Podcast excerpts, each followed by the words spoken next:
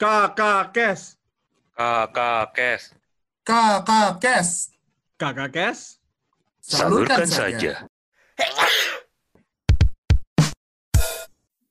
Kembali lagi di Kakak Kes bersama host tercinta kalian Viva Kadri Merdeka.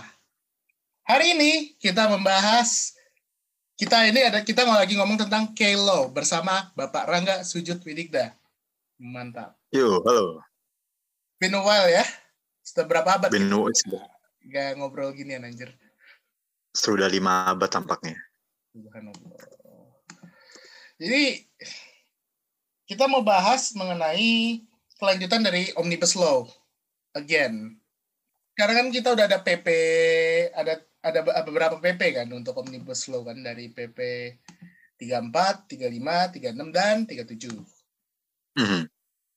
Menurut lu gimana, Ran? Oke, jadi eh, PP 35 nih sebenarnya yang cukup sangat mengubah sangat mengubah eh, ini, sangat mengubah apa tatanan hukum dan kerjaan. Di mana dia nih PP 35 ini nih dia mengubah eh, pengaturan mengenai PKWT cukup ekstrim. Yang pertama adalah masalah jangka waktu. Jadi ini ada dua sebenarnya. Yang perubahan yang signifikan dari PKWT ini ada dua di jangka waktu sama di eh, apa namanya kompensasi. Hmm. Nah, kalau kita bicara PP 35 ini nih menghapus eh, ba- ba- skema 212. Skema Jadi- 212. Iya, jadi kalau di kalangan itu eh, industrial relation atau HR Hmm. itu ada skema 212 itu udah terkenal banget dan banyak perdebatan dulu. Skema Jadi- 212 itu apa ya kalau mungkin buat orang yang nggak tahu, Ran? Oke, jadi di dulu di pasal 59 Undang-Undang 13 2003 itu tuh ada pengaturan bahwa eh, perjanjian kerja waktu tertentu hanya dapat dibuat eh, dua tahun, diperpanjang satu kali selama satu tahun, dan dapat diperbarui dua tahun. Hmm. Nah, jadi buat pertama dua tahun, perpanjang setahun, eh, pembaruan dua tahun itu skema 212 tuh. Hmm. Nah, skema ini nih dulu banyak perdebatannya. Terutama karena ada kayak frasa perpanjangan sekali, ada pembaruan dapat dibarbarui sekali. Itu tuh jadi kayak ini contoh nih. Contoh kalau skema 212 ini kenapa ada banyak perdebatannya, misalnya kita pertama kali ngebuat eh, kontrak ke orang tiga bulan atau enam Hmm. bulan. Hmm. Nah, pertanyaan yang sering banget diajukan adalah ketika saatnya perpanjangan, apakah kita masih bisa perpanjang satu tahun enam bulan misalnya, atau satu tahun sembilan bulan, atau kita cuma bisa perpanjang satu tahun? Hmm. Nah, pertanyaan kedua adalah perpanjangannya itu sendiri itu apakah kita bisa menghitung untuk ngabisin skema dua tahun di awal atau ketika kita perpanjang berarti kita udah otomatis pindah ke skema perpanjangan Hmm. karena jatuhnya akan jadi karena jatuh akan jauh dalam arti kalau misalnya kita kalau kita perpanjang misalnya enam bulan tadi nih enam bulan kita perpanjang satu tahun untuk dalam perpanjangnya ini adalah untuk ngabisin jatah dua tahun di awal. Berarti habis diperpanjang setahun dia dapat diperpanjang lagi setahun.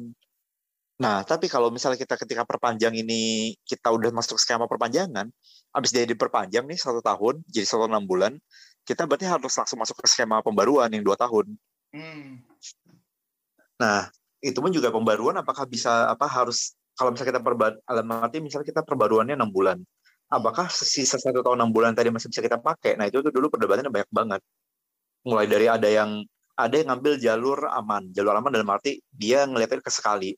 Dalam arti misalnya dia di kontrak nih enam bulan, diperpanjang sekali enam bulan, diperbarui enam bulan, ya udah selesai. Ya berarti dia udah gak bisa di PKWT lagi Hmm. ada juga yang dulu apa namanya berpendapat bahwa apa pokoknya kita bisa ngabisin jatah ini nih Eh, jadi apa namanya jadinya mau gak mau in- ya, namanya akan banyak penerapan PKWT yang berbeda dari satu perusahaan ke perusahaan oke jadi apa namanya ada juga yang perusahaan ini perusahaannya berbeda-beda nih apa namanya eh, antar penerapannya di antar perusahaan ada juga perusahaan yang misalnya kayak dia gak mau ada pembaruan karena pembaruan itu ada jeda 30 hari Hmm. Jadi namanya dia cuma maksimal apa namanya dua, eh, satu- dua tahun, satu tahun selesai. Hmm. Udah gak, gak, gak ada lagi apa namanya eh, kontrak lagi karena dia gak mau nunggu 30 hari untuk kontrak ulang karyawan. Jadi eh, sebenarnya jadinya kalau kita di skema yang dulu itu tuh apa jadi banyak variasi variasi mengkontrak karyawan dan eh, jatuhnya di banyak banget perusahaan jadi gak maksimal dalam arti ketika dikasih dua satu dua tuh jarang yang bener-bener sampai lima tahun sebeneran kebanyakan tuh Hmm. stop di sekitar tiga tahunan mungkin rata-rata Kalau lu mau ngomong tentang pasal yang berubah banget, lu ada nggak sebutin pasal berapa? kalau ini kita nyambungnya ke undang kan ini kita harus ngeliat di UU Cipta Kerja di pasal 59 Eh, dan nyambungnya ini kalau di PP 35 kita masuknya ke ini kita masuknya ke pasal eh pasal 8 PP 35 Tuh, pasal Bahwa- 59 ya tadi ya? pasal 59 Undang-Undang Cipta Kerja dan pasal 8 PP 35 kalau kita bicara jangka waktu. Ini yang eh, pasal 59 untuk perubahan yang ada di Omnibus Law kan artinya? Apa di melihat di ini di Undang-Undang Cipta Kerja dan tadi disambung sama pasal 8 PP 35. Pasal 8 PP 35 ya? Oke. Ya. Jadi kalau kita lihat di pasal 59 ini kalau kita bicara jangka waktu eh, mungkin sebenarnya lebih ke eh, pasal 59 sem- pasal 59 ayat 1. Mhm. Gue bacain ya. Ya, eh, ayat 1 huruf B. Ayat 1 huruf B. Ya. Pasal 59 ayat 1 huruf B bilang pekerjaan yang diperkirakan penyelesaian dalam waktu yang tidak terlalu lama. Jadi perjanjian ke- kerja untuk waktu tertentu hanya dapat dibuat untuk pekerjaan tertentu yang menurut jenis dan sifat atau kegiatan pekerjaan akan selesai dalam waktu tertentu, eh, tertentu, yaitu sebagai berikut. Pekerjaan yang diperkirakan penyelesaian dalam waktu yang tidak terlalu lama. Jadi ini sebentar sebelum masuk ke PP 35, jadi ini berbeda dengan pasal 59 yang dulu, yang di mana dia pekerjaan yang perkirakan menyelesaikan dalam waktu tidak terlalu lama dan paling lama tiga tahun. Hmm. Nah, kenapa tadi gue bilang juga itu pasal 59 secara keseluruhan berubah? Adalah karena kalau kita lihat pasal 59 yang dulu, itu tuh sebenarnya pasal 59 itu isinya tuh ada 8 ayat. Dulu. 8 ayat dalam arti dulu tuh ada pasal 59 ayat 4 yang dulu di Undang-Undang 13 yang bahwa perjanjian kerja waktu tertentu dapat diadakan untuk paling lama dua tahun dan hanya boleh diperpanjang satu kali untuk jangka waktu paling lama satu tahun. Hmm. Nah, terus ada juga pasal 59 ayat 6 dulu di Undang-Undang 13 pembaruan perjanjian kerja waktu tertentu hanya dapat diadakan setelah melebihi masa tenggang waktu 30 hari Mhm. eh, yang di mana hanya boleh dilakukan satu kali dan paling lama dua tahun. Nah ini tadi 212 tuh merujuk ke sini dulu. Dan di pasal 59 yang sekarang itu hilang Hmm. total. Dia dan ti- tiga tahun hilang, 212 hilang, diganti dengan pekerjaan yang dan dalam waktu tidak terlalu lama. Dan Hmm. pada akhirnya kan jadi pertanyaan kan dulu waktu November. Hmm. Ketika November kita bicara PKWT, pertanyaannya adalah, oke tidak terlalu lama ini kapan? Nah, kalau sekarang kita lihat di masuk ke PP 35. Pasal 8. Ya, PP, di PP 35. Pasal gue bacain ya pasal 8 ya. Ya. PKWT berdasarkan jangka waktu sebagaimana dimaksud pada pasal 5 ayat 1 dapat dibuat untuk paling lama 5 tahun. Yang Ya, kedua, dan yang ayat duanya juga.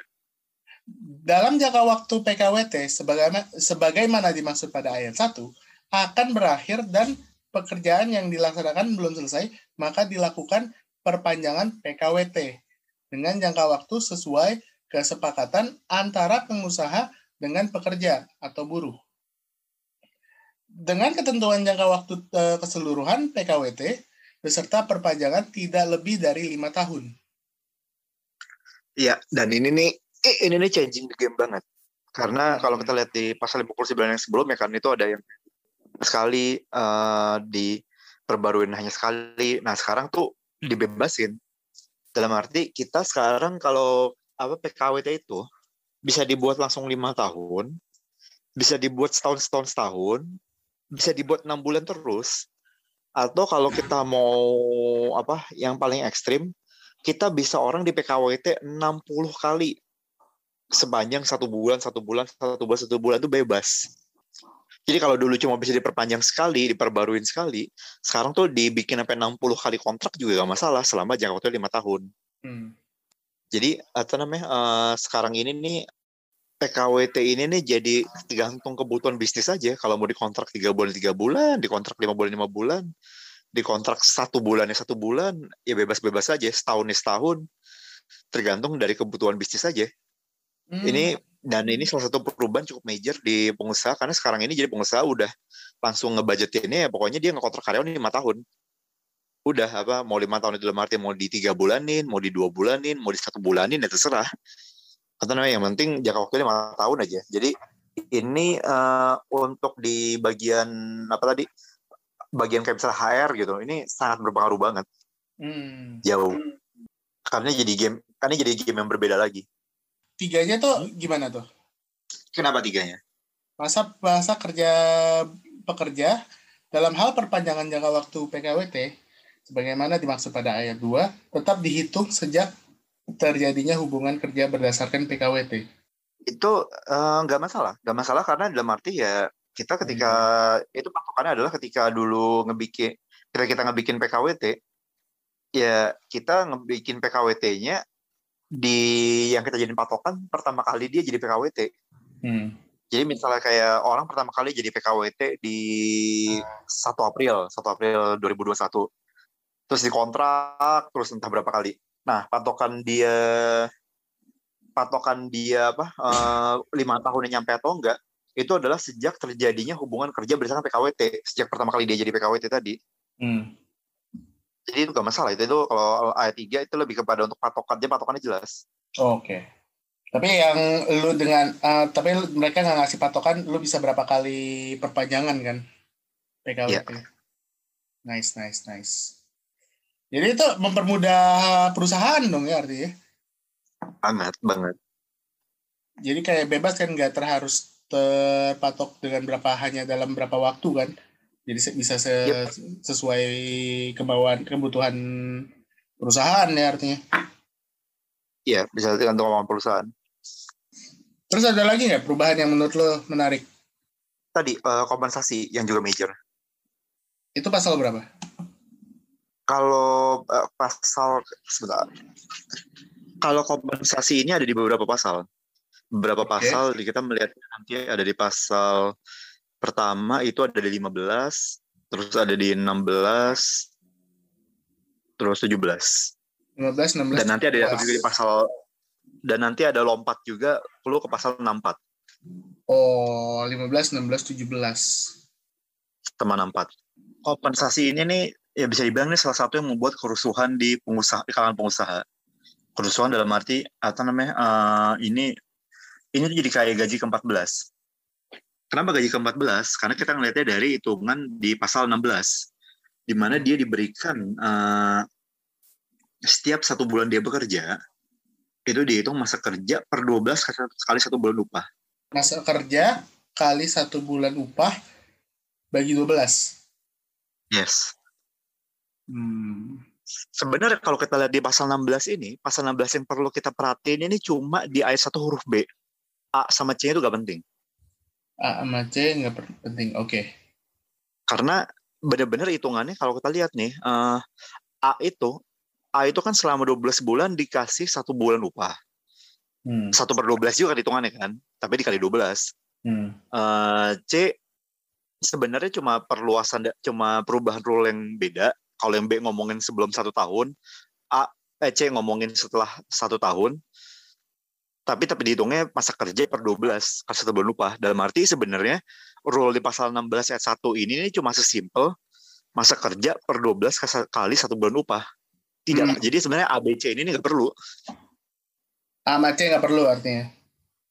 Eh, lebih tepatnya mungkin bukan A sama C nggak perlu sih. Lebih tepatnya mungkin ABC nggak perlu sebenarnya kalau kita mau lebih eksak lagi. Cukup aja dikasih rule apa eh, masa kerja per 12 kali satu bulan upah. Masa kerja itu berapa jam tuh kira-kira? Bukan jam. Eh, masa kerja ini eh, satu kali bulan upah. Bukan bukan jam. Oh, satu kali bulan upah. Oh, Sorry, sorry. Masa kerja itu ya eh, per, per bulan per bulan. per bulan. Per bulan kan PKWT selama satu bulan atau lebih. Hmm. Makanya tadi gue bilang ya kalau kita lihat nih sebenarnya yang penting cuma B. Yang B itu pun juga sebenarnya B juga bisa dihapus juga dijadiin nggak usah ada ABC. Jadi PKWT selama satu bulan atau lebih Hmm. itu eh, dihitung secara proporsional dengan perhitungan masa kerja per 12. Hmm, bagi 12 ya. Pokoknya eh, satu bulan atau lebih. Terus kasih satu apa satu bulan upah kali bagi 12. Yes. Itu eh, buat apa perusahaan ribut karena ribet ya atau karena bakal gajinya mahal semua. Bukan ribet, bukan ribet. Eh, budget. Budget. Oh. Budget dalam arti apa namanya? eh, tadinya misalnya lu untuk nge-hire karyawan lu butuh ya, misalnya gaji UMK untuk biar gampang 4 juta deh. Hmm. UMK 4 juta ditambah BPJS bla bla bla mungkin sekitar berapa 300 ribu. Hmm. Ini mungkin ya. Terus alternnya ditambah THR eh yang di THR itu kan satu per 12 juga tuh setiap bulan. Hmm. Jadi per bulannya itu mungkin kira-kira kalau OMK 4 juta, lu jadi harus nyediain misalnya 4 juta 700 untuk eh, pembayaran BPJS eh, plus THR. Nah, kalau sekarang eh, lo tadi dengan UMK 4 juta tadi, eh kok jadi 400 sih kan 4, 4 juta bagi 12 bukan 400 ya. 300 sekian lah. Jadi tadi gini, intinya kalau misalnya tadinya lo harus nyediain misalnya anggap aja 4 juta 600 atau Ya. 4 juta 700 deh, 4 juta 700 untuk nyawa eh, PKWT selama satu bulan dengan T, T- dengan UMK 4 juta. Sekarang lo harus tambahin lagi, tambahin lagi 300 sekian lagi untuk lo ngebudgetin ini, ngebudgetin untuk kompensasi ini. Kalau kita tuh basic tuh eh, 6,3 persen selama sebulan. Hmm. Jadi atau namanya karena kan di seper 12 kan. Hmm. Pengusaha bisa gak nambahin itu bisa. Cuma eh, Pengeluaran nambah gitu ya intinya ya. yes. Oke oke oke. Nah kompensasi ini tuh sebenarnya ini kompensasi ini sebenarnya eh, juga dia banyak menyu- cukup menyulitkan pengusaha karena dia berat sebelah. Hmm. Kalau kita lihat di pasal 17, kompensasi ini tuh begini aturan pasal 17. Dalam hal salah satu pihak mengakhiri hubungan kerja, pengusaha wajib memberikan uang kompensasi sebagaimana dimaksud dalam pasal 15 bla bla bla. Nih, ini poin yang paling penting di sini adalah dalam hal salah satu pihak mengakhiri hubungan kerja sebelum berakhir jangka waktu ditetapkan oleh PKWT, pengusaha wajib memberikan uang kompensasi. Berarti mau itu karyawannya resign, mau itu karyawannya fraud, mau itu karyawannya penipuan, uh, ya fraud, ya fraud entah apa pun itu, atau dia nggak perform, dia sudah pengusaha sebayar kompensasi. Hmm. Ini tuh ini tuh uh, sesuatu yang berbeda dengan di Undang-Undang 13. Kalau kita bicara sisa masa kontrak dulu, kan kalau sisa masa kontrak kan dulu adalah apabila salah satu pihak mengakhiri hubungan kerja, bla bla bla bla, pihak yang mengakhiri hubungan kerja wajib membayar ganti rugi kepada pihak lainnya. Itu kalau dulu. Itu di Kalau pasal berapa? masa, kalau kita bicara sisa masa kontrak di pasal itu Undang-Undang 13 pasal 62. Kalau kita bicara eh, PP 35 pasal 17, itu kit- pihak yang itu benar-benar pihak yang salah, dalam hal salah satu pihak mengakhiri, pengusaha wajib memberikan uang kompensasi. Jadi kita nggak peduli siapa yang mengakhiri, pokoknya yang bayar pengusaha. Enak dong lu nggak kerja bisa aja dapat kompen- kompensasi juga sekarang.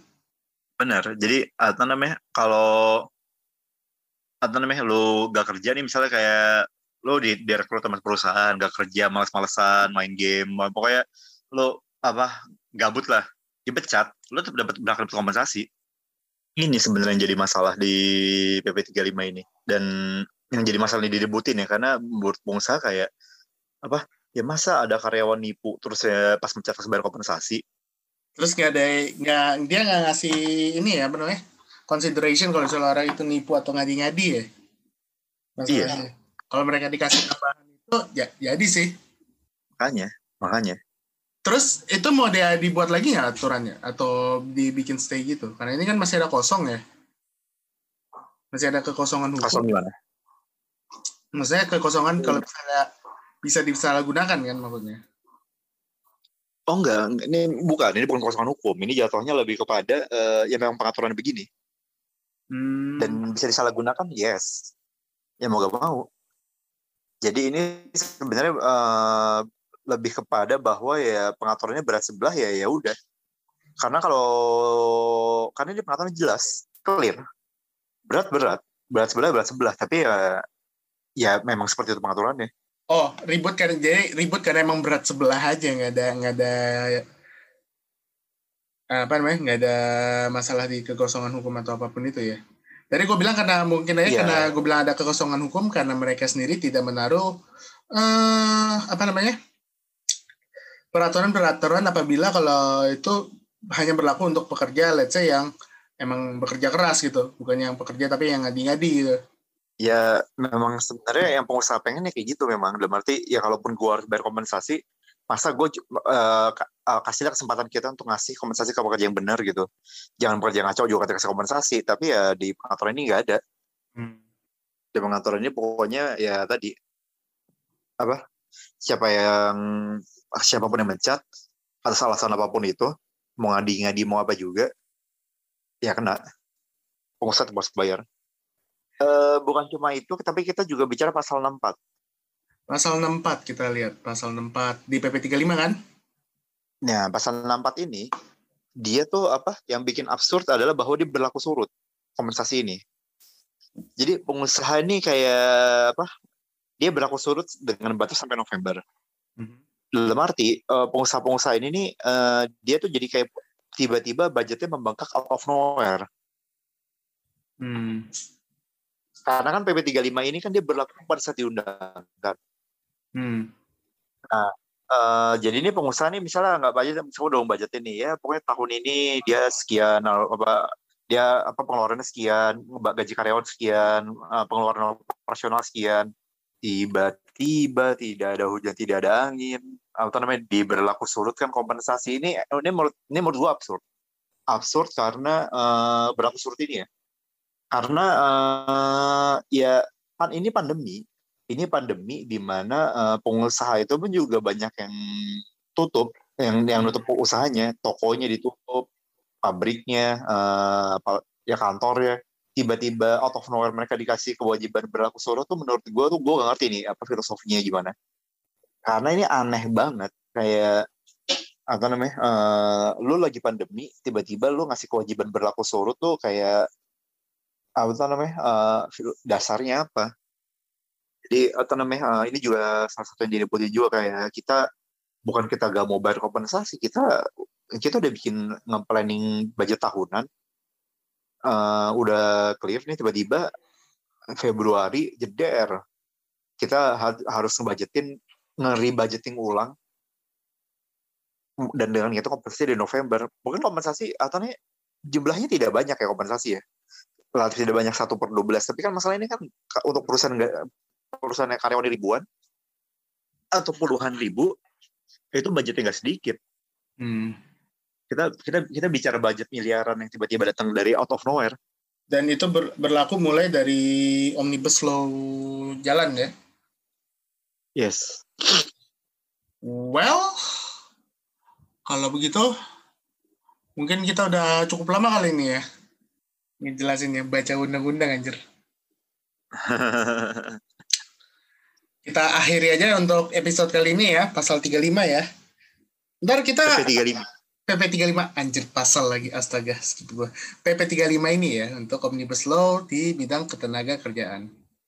Ntar kita kayaknya pasti bah- kemungkinan bahas yang PP lain juga kan ya orang ya. pasti pasti Waduh, kalau gitu ditunggu saja ya, guys. Thank you very much semuanya yang udah mau dengar dan I don't know gue mau ngomong apa lagi ya. Dan oke lah. Thanks Rang. yuk sama-sama Ditunggu kita ntar PP yang lainnya. 34, 36, dan 37 ya artinya. 34 35 36 sama 37 Dan 35. Ini kan 35 ceritanya ini. ya oh, ini 35 ini 35 berarti tinggal 34 36 37 Oke deh, Rang. Thank you ya, Rang. Ya, oke Dan bye-bye. Oh. bye Kakak Kes? Salurkan saja.